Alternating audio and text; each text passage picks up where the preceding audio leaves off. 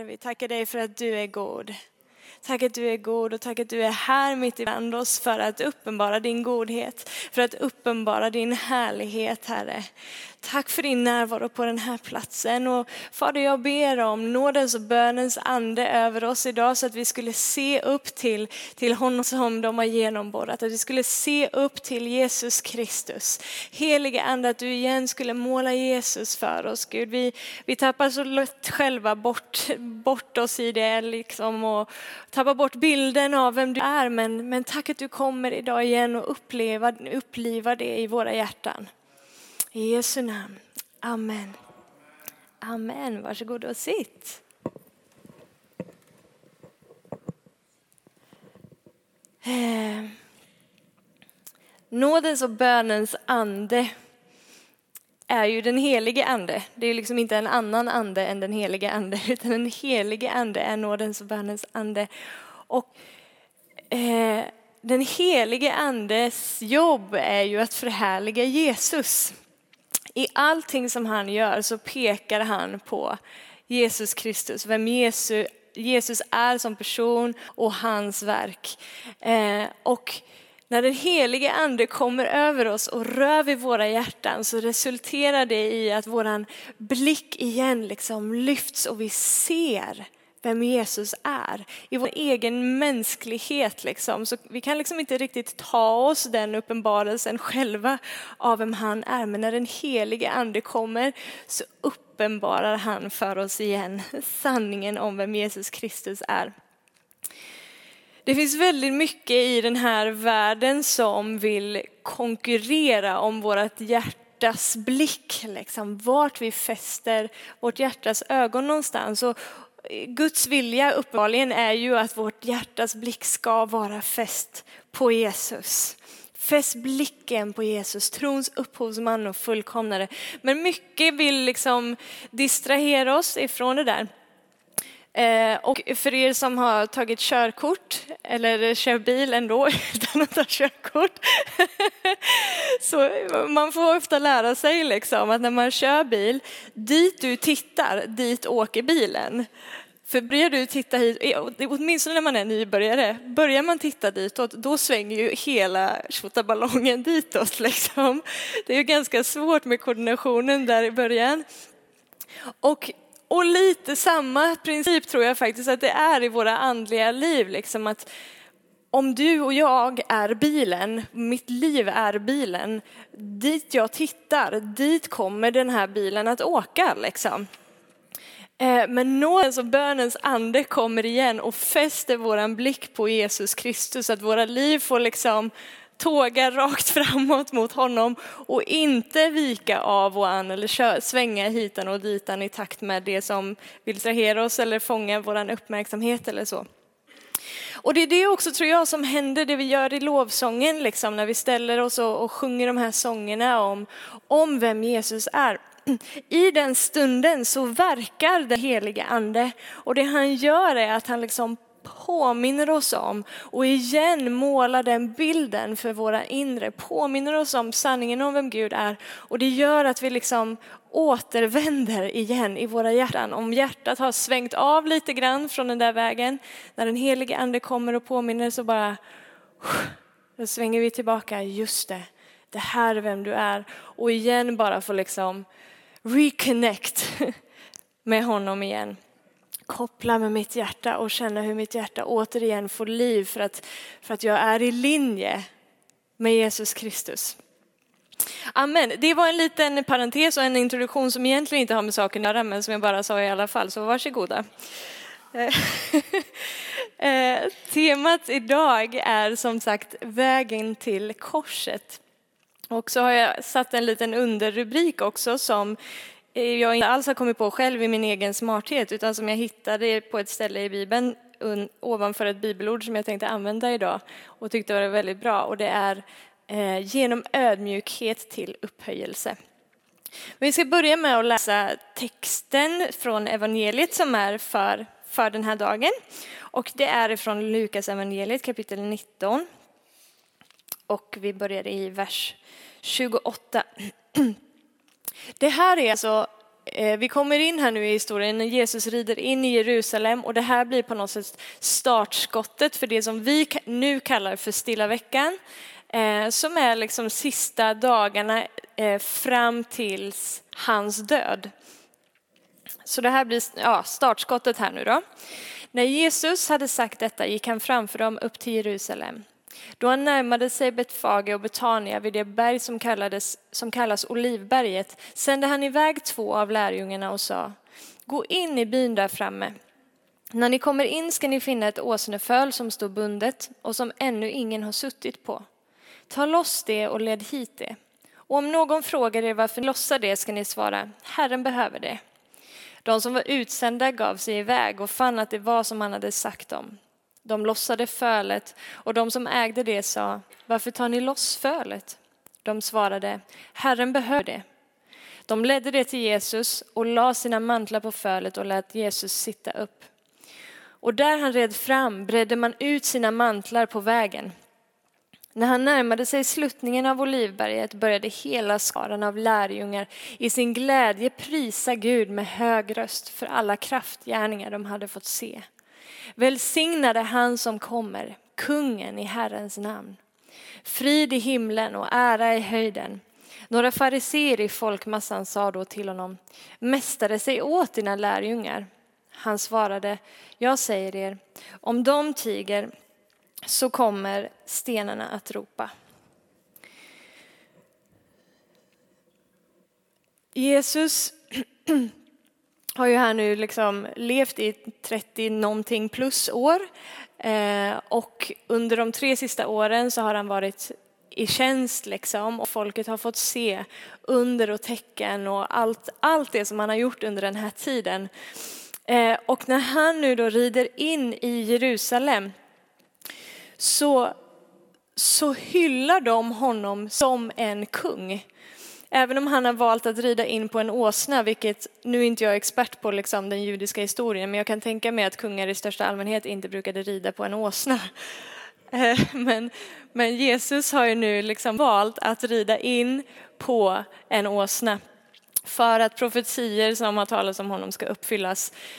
Men folket, när de ser Jesus rida in här så hälsar de honom som en kung. Och det har jag i alla fall lärt mig, att när man lägger, liksom, breder sina mantlar ut på vägen eller strör palmblad eller så här, det var brukligt när man faktiskt hälsade hälsade kungar. Så någonstans, även om det i sin enkelhet är Jesus kommer på en åsna, så blir det ändå liksom pompa och ståt på något vis. Liksom. För folket jublar och ropar Hosianna, hälsad vare kungen, välsignad vare kungen som, som kommer i Herrens namn. Och det blir massor med liksom liv och rörelse och alla de som har följt honom under den här tiden bara jublar liksom i sina hjärtan som ett gensvar på vem Jesus faktiskt är och den Jesus som de känner. Sorry. Ehm, och Jesus, jag, jag funderar lite så här vad som pågår i hans, i hans känslor och i hans tankar när han sitter på den här åsnan och tar emot folkets jubel och hyllningar liksom på det här sättet och, och tjo och tjim och glam liksom. För han vet ju vad som ligger framför. Han vet att han är nu på väg faktiskt till korset. Han vet att han är på väg mot sin död. Och han har varnat eller liksom berättat det här för sina lärjungar vid tre tillfällen innan och de har inte fattat någonting. Men han är ju mycket väl medveten om vad som väntar, liksom, vad som ska komma under den här veckan. Den veckan som ligger framför honom, som det här nu är startskottet på, är den tuffaste veckan som Jesus någonsin liksom har fått uppleva under sitt liv. Det här är den veckan när han ska få uppleva hur han blir sviken av sina närmaste. Petrus förnekar honom och Petrus har sagt att jag kommer aldrig någonsin att förneka dig. Han förnekar honom. Han känner sig övergiven liksom av sina närmaste. Han ber sina lärjungar eh, att, att vaka och be med honom och lärjungarna somnar. Förstå den besvikelsen. Liksom. Kunde ni inte ställa upp på mig liksom, i den här tuffaste av alla stunder? Han blir förrådd av en av sina närmaste män som har vandrat med honom. Han blir tillfångatagen. Han blir torterad, misshandlad. Han blir hånad. Han blir spottad på. Misshandlad till punkten av att nästa, vara nästan död liksom, redan innan han hängs på det där korset. Och sen då få bära sitt kors och till sist också dö på detta kors. Det här är vad som ligger framför honom. Han har också fått uppleva under den här veckan ångesten och tyngden av att bära all världens synd. All din och min skit läggs på honom. Och han vet att, att det är det här som han kommer att få genomlida. Och så kommer han där på en åsna liksom och folket hyllar och hälsar honom som en kung och det med rätta. Så jag undrar vad som pågår i hans liksom sinne och känslor i det här. Men jag tror att han någonstans kan känna glädje mitt i detta. För han vet liksom att, ja men Gud, min far, i allt, fram tills nu, har jag varit dig lydig och jag har gjort det som du har sänt mig till att göra. Och jag kommer att vara dig lydig ända till slutet. Det är hans hjärtats förvissning och jag tror att han känner en fantastisk vila i det liksom, och där ligger hans glädje också. Men så undrar jag då vad som pågår lite i folket. Eh, för de verkar ju uppenbarligen inte ha fattat riktigt att nu kommer Jesus snart att, att korsfästas liksom om några dagar, utan de hälsar honom som en kung. Och de förstår ju, de som, de som liksom har valt att följa honom, de har ju vid den här tiden förstått att Jesus är Messias. Han är den som vi har väntat på. Men deras världsbild säger någonstans att Messias, han kommer att komma och liksom regera med makt och härlighet och upprätta någon slags liksom politiskt rike här nu liksom och ta över och styra upp och liksom regera så som en kung i största allmänhet gjorde i den tiden. Det måste ju vara vad de tänker liksom och därför så hälsar de också honom på det här sättet när han, när han rider in. Och sen så kommer Jesus och fullständigt vänder upp och ner på deras världsbild fullständigt. Det var ingen som förväntade sig att en kung skulle lida. Det var ingen som förväntade sig att en kung skulle dö. Det var ingen som förväntade sig att en kung tjänar så som han gjorde. Så han har bara så här, ni trodde att det här var härlighet. Låt mig visa er vad som är härlighet. You thought you knew glory. Let me show you the way to glory. Och jag tänker så här, om man ska dra det till våra nivå då, liksom mänskliga nivån. Jag tror det finns någonting i oss liksom som vi längtar efter också att bli hälsade som kungar, även om vi kanske inte är så sugna på att rida in på en åsna. Men alltså, ni fattar, vi gillar att ta emot människors liksom praise och vi vill gärna bli igenkända och bara fy vad du är bra. Och hela det här världens system liksom säger någonstans liksom att härlighet eller liksom, eh, framgång, att det har med karriär att göra och, och hur bra vi ser ut och hur många liksom, vänner vi har på Facebook och hur, hur snygga kläder vi har och bam, bam, bam, bam liksom. Och så är vi på den här resan av att försöka nå någon slags liksom, härlighetsstatus. Och så kommer Jesus och bara, nej, nej, nej, nej, nej. Låt mig visa dig vad vägen till härlighet är.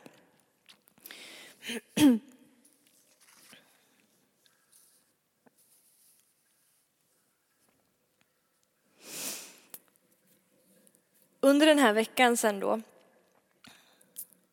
så eh, kommer de till den dagen som vi kallar för skärtorsdagen. Och det är också den natten sen som Jesus blir förrådd. Och innan han blir förrådd så ger han oss ett exempel på vad vägen till härlighet är. Eh, och det är när han firar den sista måltiden, sista nattvarden med, med sina lärjungar. Eh, och det han gör då, jag ska läsa för vi har inte den texten inne där, men jag ska läsa för från Johannes kapitel 13.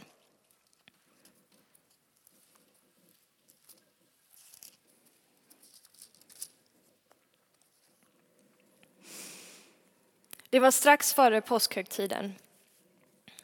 Jesus visste att hans stund hade kommit, att han skulle lämna denna värld och gå till Fadern. Han hade älskat sina egna här i världen och han älskade dem in i det sista. De åt kvällsmåltiden och djävulen hade redan ingett Judas, Simon Iskariots son, tanken att förråda honom. Jesus visste att Fadern hade gett allt i hans händer, att han hade utgått från Gud och skulle gå till Gud. Han reste sig från bordet, la av sig manteln och tog en linnehandduk och knöt om sig. Sen hällde han vatten i ett tvättfat och började tvätta lärjungarnas fötter och torka dem med handduken som han hade runt midjan. När han kom till Simon Petrus sa denne till honom, Herre, ska du tvätta mina fötter? Jesus svarade, vad jag gör nu förstår du inte nu, men längre fram kommer du att förstå det. Petrus sa, aldrig någonsin ska du tvätta mina fötter. Jesus svarade, om jag inte får tvätta dig har du ingen del i mig. Simon Petrus sa, Herre, inte bara mina fötter utan också händerna och huvudet. Jesus svarade, den som har badat behöver sen bara tvätta fötterna. Han är helt och hållet ren. Och ni är rena, fast inte alla. Han visste vem som skulle förråda honom. Därför sa han att inte alla var rena. När han sen hade tvättat deras fötter och tagit på sig manteln och lagt sig till bords igen sa han till dem, förstår ni vad jag har gjort med er? Ni kallar mig mästare och herre, och det är med rätta, för det är jag. Om nu jag, er herre och mästare, har tvättat era fötter, så är också ni skyldiga att tvätta varandras fötter. Jag har gett er ett exempel för att ni ska göra som jag har gjort mot er. Jag säger er sanningen. Tjänaren är inte större än sin herre och budbäraren är inte större än den som har sänt honom. När ni vet detta, saliga är ni om ni också gör det. Vi ska hoppa till Filipperbrevet kapitel 2.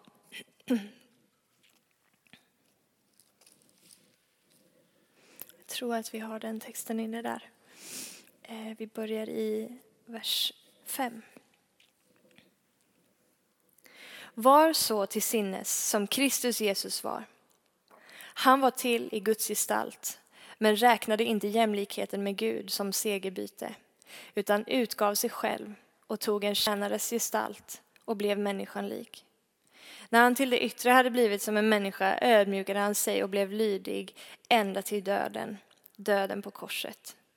Därför har också Gud upphöjt honom över allting och gett honom namnet över alla namn för att i Jesu namn alla knän ska böjas i himlen och på jorden och under jorden och alla tungor bekänna att Jesus Kristus är Herren, Gud Fadern till ära.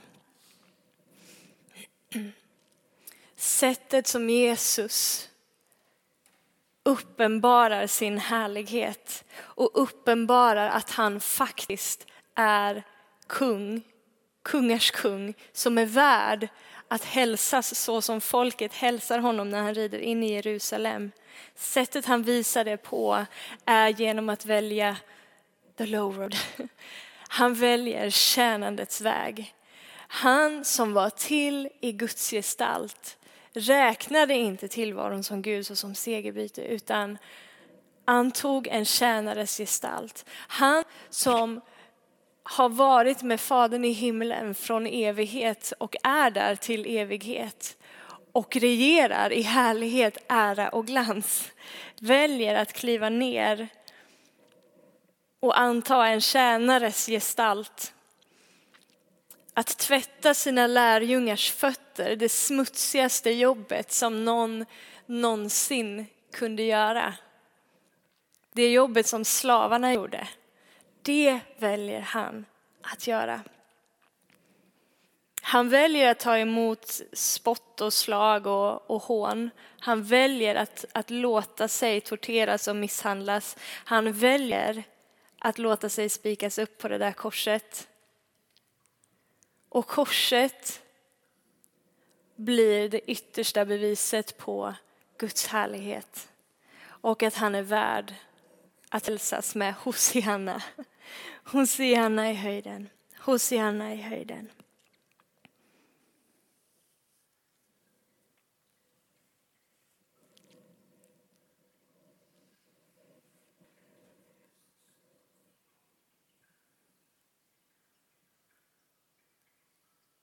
Vem är den som förtjänar kungavärdighet?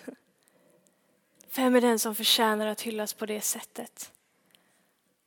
Han som på riktigt har sagt, titta här.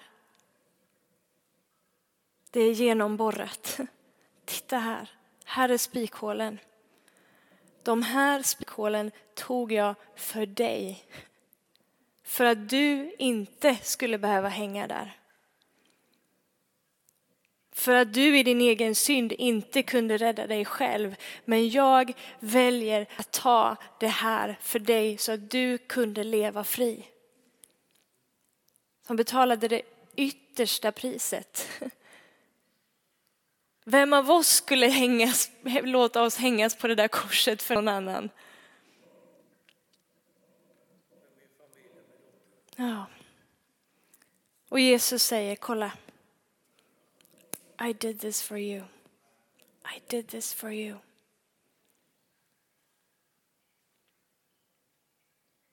Vägen till hans härlighet.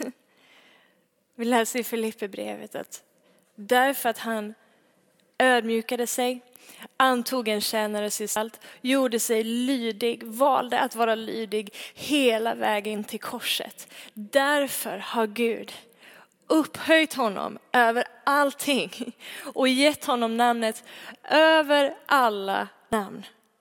Vägen till Jesu upphöjelse, vägen till Jesu härlighet var tjänandets väg, var ödmjukhetens väg, det var lidandets väg, det var vägen av surrendering där han hela tiden, under hela sitt liv har sagt, ske inte min vilja men din vilja om det är den här bägaren som jag måste dricka, om det är det här lidandet som jag behöver möta, om det är det här som jag behöver gå igenom, så gör jag det.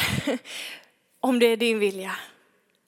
Av att hela tiden lägga ner sitt liv, lägga ner sitt liv, lägga ner sitt liv. Och tack vare att han gjorde det så kan du och jag leva i frihet idag.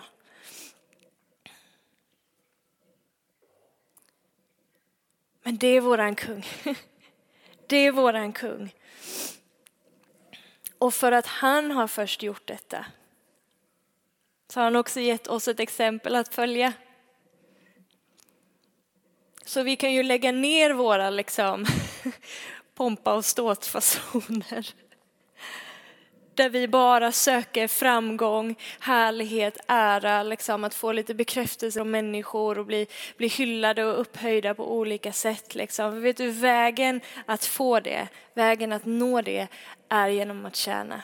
Det är genom att ödmjuka dig, det är genom att ge upp dig själv och säga, inte min vilja, men din vilja. Amen. Let's pray.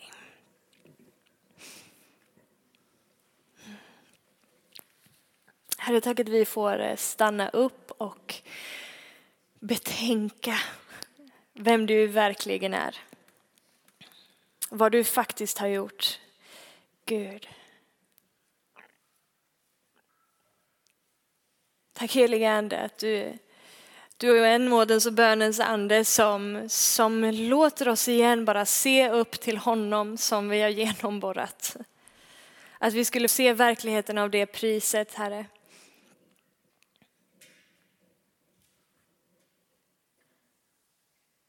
Tack att du antog en tjänares gestalt. Jesus Kristus, du som, du som är den högste, du som är den största, du som förtjänar all ära och härlighet visade oss vägen att gå, Herre. Så tack att du formar oss i din avbild ännu mer för varje dag som går.